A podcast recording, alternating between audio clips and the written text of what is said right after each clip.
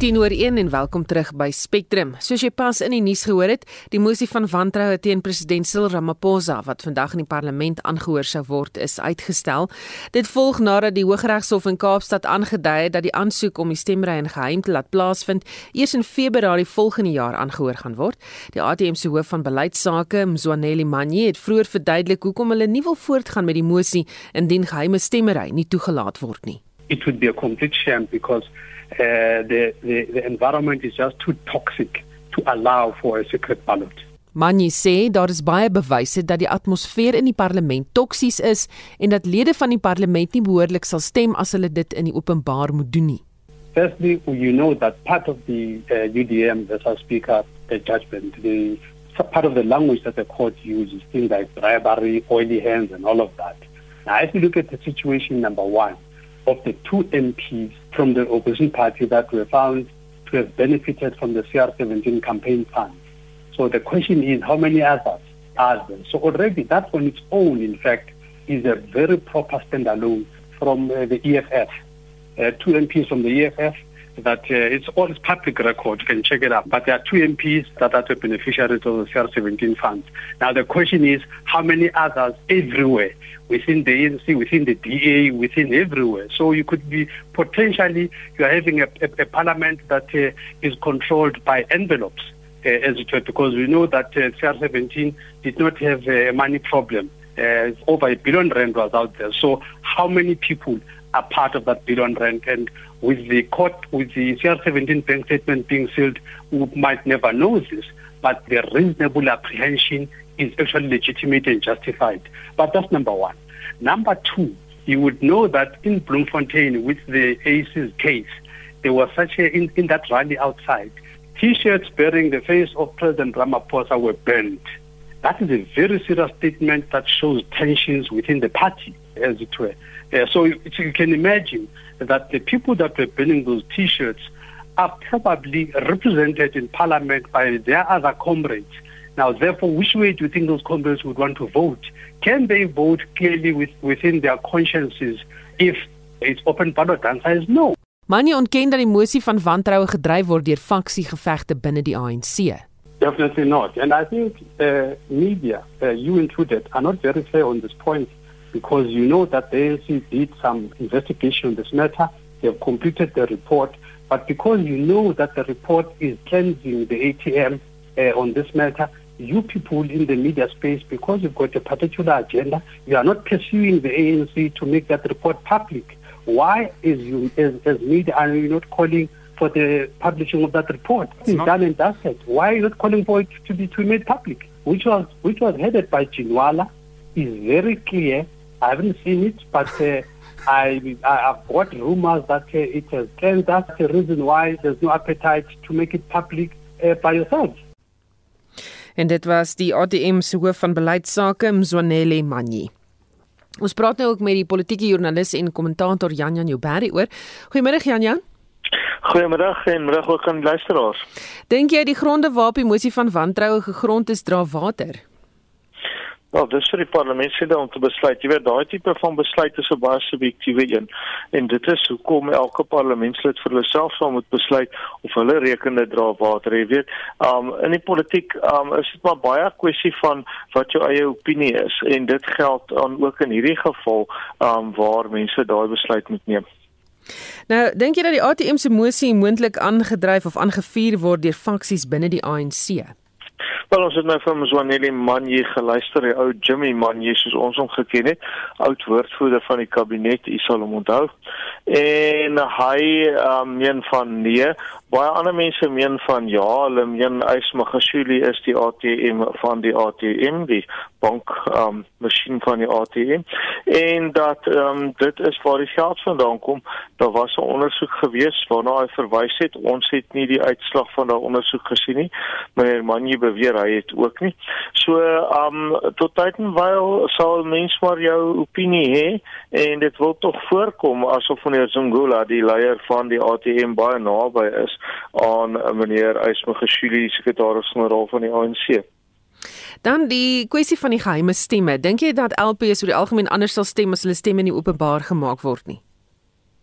Wel, die kans is dat dit mag gebeur. Um 'n mens weet nie, maar daai is die prerogatief van die spreker en dis die spreker wat daai oordeel moet vel. Sy het daai oordeel gevel. Dit is wat die ATM nou in die hof wil bestry en daardie um kwessie het so 'n bietjie gevorder deur die loop van die oggend. Daar was so 'n ooreenkoms gewees by die Weskaapse Hooggeregshof dat die hofsaak wat sal handel oor of haar bevinding dat dit 'n oop stemming is kan staan kan plaasvind daardie hofsaak is op 3 en 4 Februarie die ATM het gesê hulle sal hulle um hulle sal hulle ondersoek bring uh, of hulle moet jy ekskuus bring uh, direk na die afhandeling van die uitspraak van daai hofsaak so dit behoort deur die loop van Februarie te wees. Dink jy Cyril Ramaphosa sal wanneer die stemmeround uiteindelik plaasvind sterker hier uitstap? As hy wen en afhangende van die meerderheid ja, hoewel meer so uit te geslote as 'n oopstemming. Kyk in 'n oopstemmery sal die ANC sy 229 um LPs kan verplig om in 'n sekere rigting te stem. En dit is uh dan nou om te stem vir meneer Ramaphosa. En as hulle dit nie doen nie sal die ANC hulle afdank. So as uh, jy van beginsel en 'n beginsel in die ANC is 'n is 'n teersaakie, maar as jy in beginsel sou glo dat meneer Ramaphosa wel verwyder moet word, dan gaan jy dit moet opweeg teen jou salaris check en watter een vir jou die meeste weeg gaan seker die deurslag gee. Dan is daar 'n familievergadering vanaand om 8:00 ons het nou net gehoor. Wat dink jy gaan die president alles sê? Is dit tyd vir my fellow South Africans? dit is inderdaad tyd. familievergaderingkie, jy moet aanmeld 8:00. Waar al die Weskaap is weer die stoute hoek wil ek raai. Um en hierdie keer het ons daarom die um ons bure die Ooskaap saam met ons in die stoute hoekie.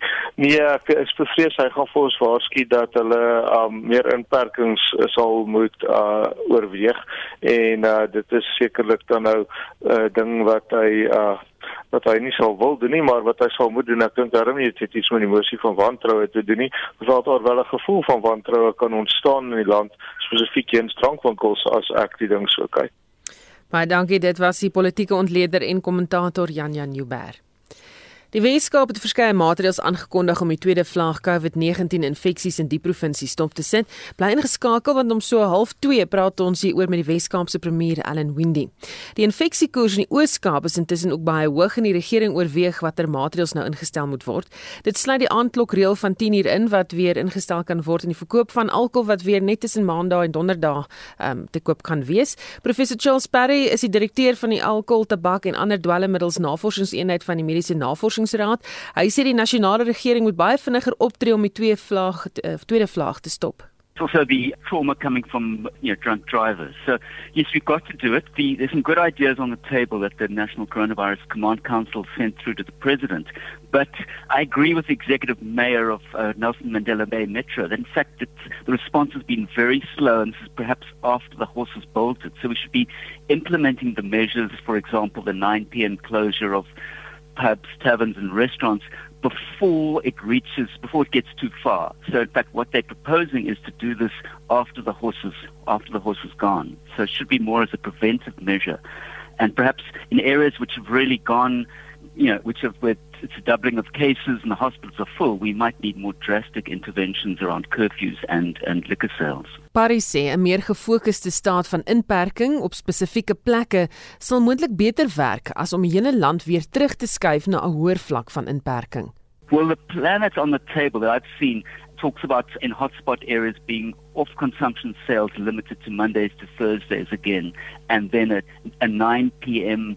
closure of pubs and taverns and restaurants and a 10 p.m. curfew. So that's in areas which are hotspots, and there's, there's a couple on the table, which is the sort of um, the moment Nelson Mandela Bay Metro and parts of the Garden Route. But uh, you know, personally, they're, they're leaving it very late. They should do it before they reach the point that the hospitals are full and before you know the, the cases are rising so rapidly. So it should really be used as a, a targeted prevention measure. And I think this is better than putting the whole country under a under a tough restrictions like this. But it should be done more surgically.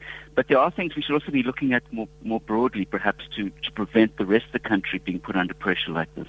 Parry sê ander provinsies moet keer dat die verspreiding van die virus weer toeneem voordat dit te laat is. We should be looking at maybe over the three holiday periods, the uh, December 16th, Christmas and New Year, maybe implementing the, the plan that's on the table for the hotspots. So perhaps for, for six to ten days over those holiday periods, perhaps stopping off consumption sales uh, besides Monday to Thursday and limiting pubs and restaurants till 9 p.m. and, and taverns and shebeens as a prevention measure. Also, we need to be, as a government, uh, looking at um, things like marketing of alcohol. Perhaps it's not the time for special promotions and discounts to work with industry to stop that practice. And obviously, we do have existing laws, so there needs to be better policing of liquor outlets to make sure that they're staying in regulations, better testing of drink drivers, and, and so on. Volgens hom is daar duidelike bewyse dat wanneer drankgebruik beheer word, die druk op hospitale merkwaardig verminder. The Western Cape's uh, data from five sentinel hospitals, and you can you can go right from January right through to the end of October and look at the various stages of the lockdown, and you can see a, a very clear effect on trauma uh, uh, presentations that are linked to the various restrictions being lifted or, or imposed. And also, you can see that when you look at the the uh, Medical Research Council's death, non-natural death data. So we, it does have a clear impact, even though obviously some slippage occurs and people can get it from illegal sources. It does have an impact on deaths and, and trauma presentations. En dit was professor Charles Parry, die direkteur van die Alkohol, Tabak en Ander Dwelmmiddels Navorsingseenheid van die Mediese Navorsingsraad. Jy luister na Spectrum na 'n baie swak vertoning deur die kleinhandelssektor in die tweede kwartaal van die jaar. Lyk dinge nou effe beter in die vierde kwartaal van die jaar. Dis volgens die jongste Buro vir Ekonomiese Ondersoek eh, se jongste kleinhandelopname indeks. Die indeks het tot sy laagste vlak, naamlik 11 in 29 jaar gedaal, maar nou weer teruggeskiet na 50 toe. Ons praat nou met die Gopinaar van die Buro vir Ekonomiese Ondersoek. Goeiemiddag, Hugo. Goeiemiddag Susan en luisteraars. En uh, verduidelik 'n bietjie vir ons net weer hierdie indeks, waarna kyk julle alles? Ja, so dit is 'n opname ehm um, van so 100 ehm um, kleinhandel takke, so dit kan 'n 'n Shoprite tak wees in die Wes-Kaap of 'n Shoprite tak in Gauteng. So al die provinsies in um, in die land, um, groot terugge takke en kleiner kleiner winkeltjies. Ehm um, en dan vra ons net vir die respondente klomp vra. Ehm um, die die een waarna jy nou ver, verwys het is ehm um, is julle tevrede met huidige toestande of sake toestande in die ekonomie uh, ja of nee? En die 50 is dan nou net die persentasie van van die mense wat sê so basies die helfte van die respondente het in die 4de kwartaal gesê hulle is tevrede met sake toestande en uh, enige redes hoekom hulle dit aanvoer Ja, so ons het dit is nogal 'n verrassende um, resultaat. Ehm um, as mens nou dink oor hoofs ehm um, jy weet hoe die ekonomie nou nog sukkel in in in die COVID en ehm, tyd, maar wat die respondente gesê het is dat hulle is redelik ehm um, optimisties oor uh, verkoops uh, volumes uh, in die 4de kwartaal. Dan natuurlik gewoonlik in die 4de kwartaal met swart Vrydag uh met Kersfees um, lyk verkope uh, beter Ehm um, maar hierdie is 'n uh, 'n jaar op jaar ehm um, vraag. Ehm um, en mens moet miskien nou net sê die jaar op jaar vraag sê nog steeds ehm um, dat dat die ouens verwag dat verkope bietjie swakker gaan wees as dieselfde tyd uh, verlede jaar, maar relatief tot die tweede en die derde kwartaal lyk hierdie verkope uh, aansienlik beter. En dit lyk ook asof ehm um, van die kleinhandelaars um, in staat is om hulle pryse uh, te verhoog. So 'n kombinasie van 'n uh, beter volume groei, uh, verkoopsvolume groei vroeër in die jaar, bietjie meer um, vermoë om om om pryse te verhoog, uh, dit het die vertroue uh, stoot gegee. So die president spreek ons weer vanaand toe om 8uur. Uh, Dink jy almal hou asem op daarvoor? Ja, jy jy raak aan 'n baie belangrike punt. Ehm um, die so die die die vertrouensvlakke het het ons bietjie verras in die 4de kwartaal, maar daar is natuurlik wesenlike risiko's ehm um, as mens nou bietjie vorentoe kyk dat hierdie vertrouensvlakke nie ehm um, gaan gaan hou nie. En 'n belangrike een is natuurlik wat wat met die ehm um, uh, COVID situasie gebeur. Ehm um, jy weet hoe ver, ek meen ons is nou waarskynlik nog nie heeltemal in 'n tweede golf nie, maar maar sekere dele van die land is wel. Ehm um, so sou daar nou verdere inperkingsregulasies aangekondig word. Ek sien nou nie vermoed dat dit enigstens naaste by tot dieselfde mate sal wees as vroeër in die jaar nie, maar nietemin ehm um, jy weet as ehm um, as ons sekere beperkings op tye van alkoholverkope gaan wees uh, restauranttye wat hulle moet moet sluit byvoorbeeld ehm um, dan natuurlik kan kan dit 'n impak hê um, op vertrouensvlakke. Baie dankie dit was Hugo Pinaar ekonom van die Buro vir Ekonomiese Onderzoek. Die SAIK die arbeidshof uitspraak verwelkom in verband met die afleggingsproses by die uitsaaier. Bemou het die hof genader om die SAIK te dwing om die briewe wat uitgestuur is oor poste wat oortollig is te laat terugtrek. Die hof het bevind dat die SAIK besig is met behoorlike konsultasie van werknemers en dus is die saak onnodig. Bemou het by monde van Hannes Dubison gesê dat die SAIK in die eerste plek nie die hele proses met 30 dae sou uitgestel het as die vakbond nie hof toe gegaan het nie. Bemou het ook aangedui dat hulle die uitspraak sal appeleer. Die bedryfshoof van die SAIK, Ian Plaatjies, het vroeër op RSG gesê dit sal beter wees as die vakbond nie verder die saak in die hof voer nie. Ja, ek het gehoor wat hulle gesê het. Hulle het nie eintlik 'n saak nie, so dit sal 'n tragedie wees. Ons sal verkies dat hulle, jy weet, konsulteer met ons. Ek dink hulle verlei hulle lede, uh, maar dis hulle besluit. Plaatjie sê ook daar steek geen waarheid in die vakbonde se bewering dat die SAIK nie behoorlik met hulle gekonsulteer het nie. Dis heeltemal verkeerd. So jy weet volgens die wet of ons net 4 sessies te doen in 'n periode van 60 dae. Na ehm um, 4 maande en 120 of 16 sessies in 'n 120 dae 4 maande kon ons nog steeds nie enige alternatiewe uit Bamao uitkry en en die en die ander uh, wat ook uh, deel was van die proses. En die maatskappy moes dan sê kyk ons kan nie meer so aangaan nie, dan gaan ons maar voort met die proses. En na dit het ons hulle nog steeds kans gegee om te sê gee ons in skrif enige alternatiewe wat ons kan onderweeg. En nog steeds niks gekom nie. Toe ons nou uh sessies met uh, die personeel gehad en hulle het vir ons gesê maar kyk, jy het nie met ons gepraat nie. Hmm. Ehm um, en ons het gesê ja, maar in die proses het normaal gesê ons kan nie met die uh, personeel gaan praat nie ons moet deur die proses praat ons kan nie parallel prosesse hê nie en ons het dit gerespekteer ons het normaal die strukture gegee in Augustus hulle het eers met ons onderhandel in Oktober oor die strukture en dit was baie duidelik hulle het nie die strukture met hulle lede gedeel nie. So wat ons gedoen het is ons het gesê oké, okay, ons sal nou met al die personeel gesels met Bamao en die alle deelnemers gelyktydig en ons gee almal 'n gelyke kans om insette te gee uh, in die proses rondom om die strukture te finaliseer. Plaatjies het bevestig dat die 400 briewe wat uitgereik is nie teruggetrek gaan word nie. Dit is uitgestel na einde Januarie. Die briewe sou einde van Desember gefinaliseer is en dit is uitgestel tot Januarie. So ons gee al die deelnemers basies 'n kans om oor die strukture te gesels en, en dan sal ons daai finaliseer en daai strukture gebruik om die proses te implementeer. En dit was die bedryfshoof van die SAIK, een plaatjies. Spectrum, jou middagnuusprogram op RSG.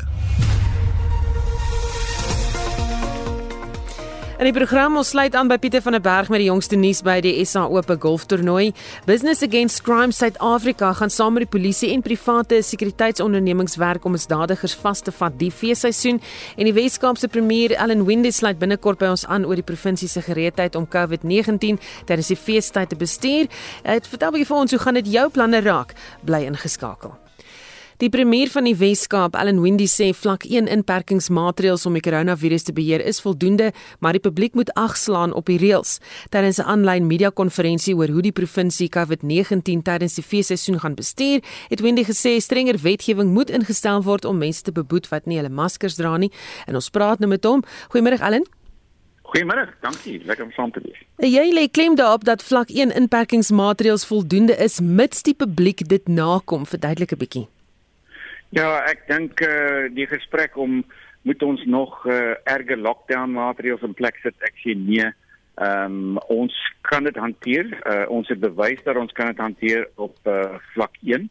Uh, ons het nou oor die laaste paar weke 'n paar uh, keer gehad uh, in Beaufort Wes eerste was uh, begrafnisse wat wat die syfer opgestoot het ons het aangezoom en vinnig afgebring en en daardie nommers is is heel goed ons het dit gesien in die suidelike voorstede van die stad uh daar het ons ook uh, vinnig ingegaan en twee weke later is daai nommers weer af.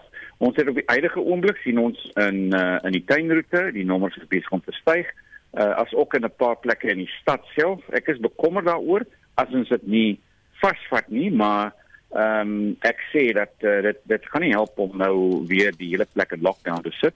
Ons vra net dat uh, ons ons kan sal bring van 'n van 'n 'n provinsie of regering se kant af saam met die plaaslike regering en nasionale regering werk in die in die tuinroete, maar ons vra ook dat uh, gemeenskappe ook saam met ons werk. En dit is oh, jy weet waar waar versprei die virus? Dit versprei as ons bymekaar kom in groot groepe.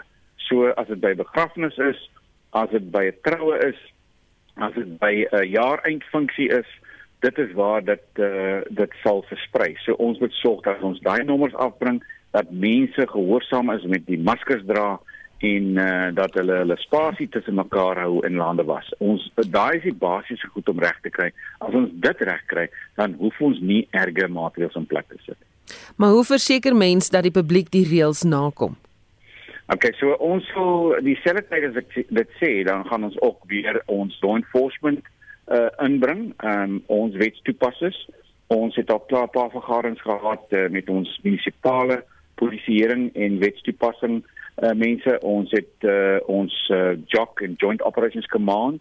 Uh, ons het ook uh, ek het met die polisie se dag ons polisie ontmoet.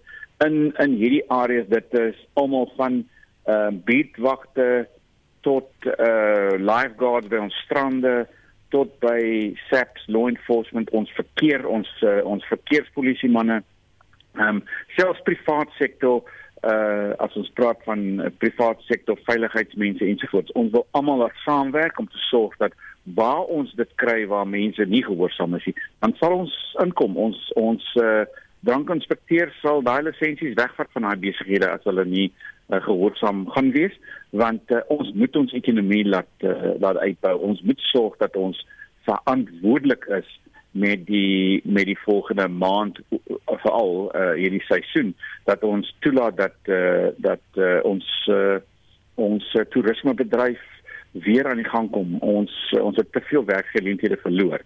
Maar om dit reg te kry, moet ons almal saamwerk. Jy het aan president Ramaphosa geskryf om te vra dat strenger wetgewing ingestel word teen mense wat nie hulle maskers dra nie. Wat het jy hom gevra? So dit is 'n probleem. As ons sien ehm um, waar mense dit nie doen nie, uh, waar mense nie gehoorsaam is nie. Daar is daar is nie 'n uh, boete of daar is nie daar, dit is net gesê jy moet maskers dra. Dis hoekom ons op die huidige oomblik binne die huidige wetgewing kan ons 'n dranklisensie wegvat. Dit is 'n 'n provinsiale mandaat. Ehm um, da maar as baie min ehm um, maatreëls wat ons kan gebruik as nie mense nie gehoorsaam nie. So ek het gesê dat uh ons moet uh, meer uh, ons moet boetes in plek sit. Ons moet uh, sorg dat hy uh daai kant van die van die um, van die wetgewing van die Disaster Management Act uh hulle moet uitbou daarop dat daar definitief 'n boete boete gaan wees. Ehm um, as daar nie gevolge is nie dan dan kan ons nie die polisieering reg kry. Ehm um, en ek dink uh, dit dit is wat ek wil sien, maar ons gaan nogtans sal ons daai plekke uh, uh, toemaak as as die besighede nie ehm um, hulle kan bring. As die taxi uh, bedryf of die daai bestuurder uh, nie hulle kan bring nie, dan gaan ons om om uh, beboet. Dan gaan ons om binne ons eie uh, wetgewing gaan ons dit vasvat. Maar ek soek bietjie meer wetgewing in hierdie in hierdie verband. Nou verskeie hospitale sê die druk is besig om toe te neem vir alweens alkoholverwante trauma gevalle. En wat is die situasie in die Wes-Kaap? So ons het 'n uh, uh, uh, baie goeie bestuurstelsel om te sien hoe lyk die nommers. Ehm um, ek sal in volgende week se Digicon. Ek was uh ek het nou gesien vandag was ons 30ste Digicon wat ons gedoen het nou tydens hierdie COVID-19 tydperk. Uh, maar volgende week sal ons baie meer klemtoon op die op daai stelsel en op die nommers uitwys wat gebeur as uh, mense te veel drink en dan uh op ons paai kom of uh of uh, besig is met uh, geweld uh, as hulle dronk is. en ons kan daai syfers sien uh, in ons hospitale, so ons sal dit gebruik. Maar oor die algemeen is ons hospitale onderdruk en uh, dit is ook nog 'n gedeelte wat ons sê vir die vir die publiek dis dis jy en is jou verantwoordelikheid om ook saam te speel. As die publiek nie wil saamspeel nie, dan gaan dit by 'n punt kom wanneer jy sal dan uh, strenge maatreëls moet in plek sit. So ek dink dit is die algemene roep is om te sê mense asseblief as ons nie saamwerk nie dan is hierdie hierdie seisoen afgeskryf. Uh, dan gaan jy nie kan uh, saam met jou familie sit in in hierdie in hierdie uh, Kerstyd. Uh, want die strenge maatreëls sal men definitief moet inkom. Doen die provinsie steeds toetsing in die gemeenskappe? Ja, absoluut. Ehm um, ons het nou uh, oor die oor die 10000 gedoen in die laaste week. Ehm um, ons het ook nou veral in die tuinroete het ons daai uh, rapid testing ingesit. So hulle het al klaar 2 dae waar na daarmee nou besig is. So jy kry dan uh, binne 'n uur sal jy sal jy jou uh, uh sal jy die resultate kry. Uh so definitief uh die toetsing toetsing is 'n meganisme om te weet waar jy sit. Ehm um, so definitief uh daai is nou weer opgesit. Ek het gesien dat in die laaste 2 maande het ons uh baie meer uh negatiewe toetse gekry, maar ek sien dat positiwiteit is besig om te gaan. Ons het ook uh, net in die week gedoen en in die naweke het ons 'n uh, skansie vir daai mense gegee, maar ons is nou weer weer terug om 24 uur 'n dag uh, in te sit uh, naweke ook. Uh, want toetsing is die basis uh jy weet dit, dit is hoe jy weet as jy positief of negatief is. Wat is die boodskap vir mense wat wil reis na die tuinroete in die Suid-Kaap? So ek sê dat uh jy weet ons maak nie ons uh, grense toe nie. Ehm um, ons is oop vir besigheid, maar jy moet een ding verstaan, uh, jy is welkom om na hotspot toe te kom, maar jy moet deel wees van 'n oplossing en nie deel wees van die probleem. So dit jy jy jy's welkom in die, in die Suid-Kaap, jy's welkom in die tuinroete, maar jy moet dan jou kant bring. Jy moet uh, onthou om jou masker te dra. Jy moenie nou uh partytjies gooi nie en um, onthou uh, hierdie hierdie is 'n nuwe normaal tot ons ons, ons uh, vaksines nou kry. So uh, is welkom, maar jy moet jou, jou kant bring. Baie dankie. Dit was die waarskuwing van die premier van die Wes-Kaap, Allan Windy. Die kommissie van staatskaping het vanoggend begin om getuienis aan te hoor van 'n bedrogondersoeker van Shadow World Investigations in Londen, Paul Holden. Hy getuig oor ondersoeke wat gedoen is om die geldspoor van die Estina Suiwel projek te volg en hoe dit met die Guptas verband hou. Estie de Klerk doen verslag. In diepte ondersoeke is deur Holden en sy span gedoen oor presies hoeveel maatskappye en rekeninge die Guptas gehad het, hoeveel en watter maatskappye vir geldwasery gebruik is en hoeveel geld aan watter maatskappye en persone oorbetaal is ten opsigte van die opspraakwekkende Estina suiwelprojek in die Vrystaat. Die ondersoek trek die lyne bymekaar van hoeveel geld die Vrystaatse regering aan die Estina projek oorbetaal het en hoe die geld na die Gupta maatskappye versprei is. Hy het verwys na verskeie hooggeplaaste Gupta werknemers, die Gupta se suster en van hulle eggenote en die Gupta self deur wie se rekeninge geld gevloei het en wie opdragte gegee het. Hier getuig hy oor die enkel direkteur van Estina tot in 2016 wat 'n kardinale rol gespeel het in hoe die geld versprei is. Kamal Vasram, who we will be dealing with quite extensively in the money flows, he was the sole director of Estina Pty Limited up until, uh, if I'm not mistaken, 2016. Uh, in which, uh, when he is replaced, the Gupta Leaks records show that he was engaging with the with Sahara Computers from at least 2008 onwards. From 2011 onwards, he starts to invoice and is paid invoice a monthly amount against the Gupta enterprise, including against Linkway Trading, of which Narayan was the director. And the first invoices from March 2011 onwards, as we discuss, uh, he acted essentially as a frontman for the Athena project. He was always based in Johannesburg. He also acted as the frontman for a number of other companies through which the capture of, of certain funds from the Free State occurred, including Sunday trading. Hy het presies beskryf watter maatskappye in watter hoedanighede gebruik is. Chair Accurate Investments is, I would describe as a, effectively uh, merely a money laundering vehicle that exists within this collection of four separate companies. It receives payments The majority of payments into and out of this account almost universally are derived from other Gupta Enterprise companies offshore. It is only used in 2013 to receive payments from one transit related contractor and then to immediately dissipate out those funds to other Gupta Enterprise companies offshore. It is also used in this particular instance to as a vehicle through which funds from the Estida project are eventually commingled into a single singular account from the Gupta Enterprise to be paid into South Africa.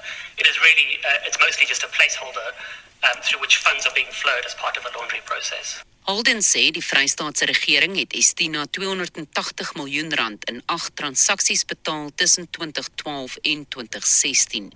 Die oorgrootste meerderheid van hierdie fondse is oorgedra tot voordeel van die Gupta ondernemings. Sowat 96% van al die geld wat in die Estina projek inbetaal is, was afkomstig van die Vrystaatse regering. It was drawn entirely from the Free State government funds. And what was happening was a very complex system of money laundering in which Free State government funds were paid out of Estina and through a very complicated loop that we will describe, eventually returned back into the Estina account, which made it look like Estina was receiving deposits from other sources, but was effectively deposits from derived from the Free State government funds. The total aggregate amount of deposits is 880 million rand, 345,000 365 rand and 83 cents and that's including accrued interest. Holden gaan voort met sy getuienis voor die kommissie. Ek is Estie de Klerk vir SAK nuus. Die Nasionale Loterye Kommissie en 'n toebehoudings het 'n ondersoek geloods na verskeie klagtes op sosiale media oor Dinsdag se boerpotnommers. Die 6 wennommers, 5, 6, 7, 8, 9 en 10, het daartoe gelei dat 20 mense die boerpot van byna 114 miljoen rand gaan deel. Volgens die Nasionale Loterye se kommunikasiehoof, Ndwilo Mfela, word die loterye nommers liekraak gekies deur 'n rekenaarprogram wat genoem word die Random Number Generator.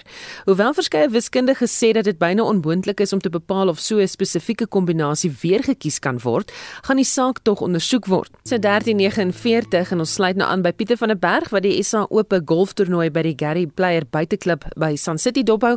Goeiemôre Pieter. Maar dan sê Susan, ja, baie interessante eerste dag. Die om die waarheid te sê, so 17, 18 minute gelede het die laaste spelers afgeslaan in hierdie eerste ronde. Die eerste manne vanoggend reeds om 6:30 op die bal gewees en uh, die oggendveld al 'n hele rukkie terug voltooi en soos ons sê die laaste manne in die middagveld het so 18 minute gelede afgeslaan. Maar wat die voorlopersbord aan betref, uh, die weer hier uh, heel lekker op Sun City. Ehm um, so 'n bietjie wolke, maar ook blou lig tussenin weer en uh, die setperke is uh, klammerig van 'n reën wat vroeër geval het in die week en uh, sag met ander woorde en hulle is baie uh, beter om raak te slaan met ander woorde nie so hard soos verlede naweek sinne daar by Leopard Creek nie. So daar die bal gaan sit so bietjie maar daar die voorlopersbord waarna ons wou verwys Christian Besuitnout Matthias Swart Dien Burmester en Jacques Kruiswyk dis die vier name bo aan die voorlopersbord en uh, dit is uh, daardie vier spelers wat op 5 houe onder syfer is. En uh, die enigste van die vyf spelers wat uh, tot dusver 'n uh, voetkoerse rondte kon speel was Matthias Swap van Oostenryk. Hy is uh, op die eerste 9 het hy 3 voetjies bal gedraai in uh, 333 en toe op die tweede 9 uh hy um, daar 'n pragtige arendbal op die eerste puitjie en 'n uh, 34 vir hom daar. So hy's 500 en hoekom ek so sê hy het op die 10de begin vandag en uh, so hy daardie op die eerste puitjie was as hy tweede 9 wat hy begin en daar. Maar die ander interessantheid van hierdie toernooi is dat die baan omgekeerd is van die normale netbank uh, of in die ou dae natuurlik die miljoen dollar uitdaging en uh, dit is die uh, 9de wat dien as die 18de en die 18de is die 9de dien. So die twee 9's is omgeruil en uh, dit beteken die manne maak om die watereiland uh, setwerk klaar. Wat altyd die 9de is dan hier vir hierdie toernooi is dit die 18de. So vir al die golfers wat dit goed ken, die golfspelers wat dit goed ken, uh omgedraaide of omgekeerde twee 9's dan vir hierdie 110de SA Ope van die ander spelers wat ook daar op die voorroepersbord pryk hulle name dit is uh, Matthew Paywan wat op 400 is en so ook Dylan Vertelli Dylan ongelukkig hy daar die eerste uh, 9 het hy in 'n 6 ekskuus ja 630 voltooi maar hy het uh, En so op pad huis toe wil ek sê het hy drie broue op sy telkaart ingevul. Hy was die alleen voorloper in 'n stadium op 700 syfer en hy staan nou op 401 agter die huidige voorlopers. So Dylan ongelukkig, hy het byvoorbeeld uh, ook so 'n bietjie die dik gras raak geslaan daar by die bekende uh, 14de bytjie en uh, dit is ehm um, daardie sogenaamde pampas gras en daar moes hy ook hou aan syfer afstaan. So ongelukkig vir hom drie hou is aan syfer afgestaan op pad huis toe. Van die ander spelers wat ons kan noem is Niels Kietekat op 300, Wilko Ninamer op 300 en dan is daar op 200 hele rit spelers wat insluit uh, JC Ritchie en en die Du Plessis asook Oliver Becker. Nou wat die die middelveld dan betref, die spelers wat uh, nou in die middelveld speel wat die beste vaar, tans daar op 200 syfer sien ons die naam van Tristan Strydom as ook uh, Toby 3. Hy's daar op 200. Ja, en hulle is die twee spelers wat die beste is in die middelveld op die oomblik. Rodrik van der Spy op 100 en Heidi Portius ook op 100.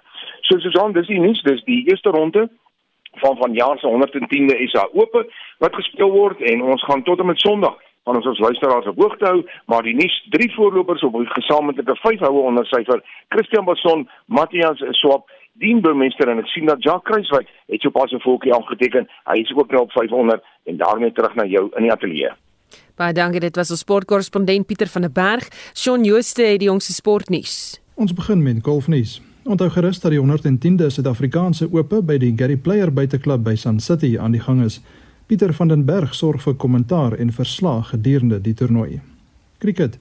Nieu-Seeland het dag 1 van die eerste toets teen die Wes-Indiese eilande op 243 vir 2 in hulle eerste beurt geëindig. Die kaptein Kane Williamson is nie uit nie op 97 en Ross Taylor staan op 31. Tom Latham het 86 aangeteken. Rugby. Daar is twee veranderinge aan die Vrystaatse beginspan vir Saterdagmiddag se Karibebeker wedstryd op Loftus teen die Bulle gemaak. Kuta Makunu en Victor Sekekete is onder die voorspelers ingesluit. Die wedstryd skop al 5 af. Sokker. Die onder 20 Kusafa Kampioenskappe het in Port Elizabeth afgeskop. Mosambiek en Lesotho pak mekaar op die oomblik by die Wilson Stadion terwyl Suid-Afrika vanmiddag al 4 teen Zimbabwe op die veld uitdraf. En laastens van die wedstryde wat vanaand in die Europese liga voorlê, is 5 voor 8 AC Milan teen Celtic, Lask teen Tottenham Hotspur en dan 10:00 Granada teen PSV Eindhoven en Nice teen Bayer Leverkusen om net 'n paar te noem. Son Jooste van RSG Sport. Dis 1355. Daar's nie genoeg geld om die grensheining tussen Mosambiek en Suid-Afrika by Kosibaai te voltooi nie, so sê die minister van Openbare Werke en Infrastruktuur Patricia de Lille. Sy het gister die parlementêre komitee vir openbare werke hieroor toegespreek. Heining van minstens 8 km is nodig, maar in die afgelope 2 jaar is daar nog slegs 200 meter hiervan opgerig. En vir meer hieroor praat ons nou met 'n politieke ontleder en dekaan van die skool vir sosiale innovasie by die Huguenot College professor Erwin Schwella. Goeiemôre Erwin. Goeiemôre Susan, goeiemôre luisteraars. Delil het gesê sy sien nog 'n buitbrug vir Jasko aan die kom, stem jy saam? Ja, verseker en dit lyk vir my asof eh uh, mevrou Delil nou redelik gereeld die soort van probleme met grens uh, heininge en en grensbeskerming het. Maar dit is natuurlik nie die diep liggende sistemiese kwessie nie. Dit gaan oor die uh, swak funksionering van die departement uh, openbare werke waarvan sy die minister is oor baie jare. En laat ons dit tot haar krediet sê, ek dink sy uh, vaar beter as van haar voorgangers. Maar dit is nie 'n maklike departement om te bestuur nie. Uh, Mense kan nou net dink uh, Susanne luisteraars hoeveel potensiële korrupsie rondom eiendomstransaksies en al die soort van goed daar was.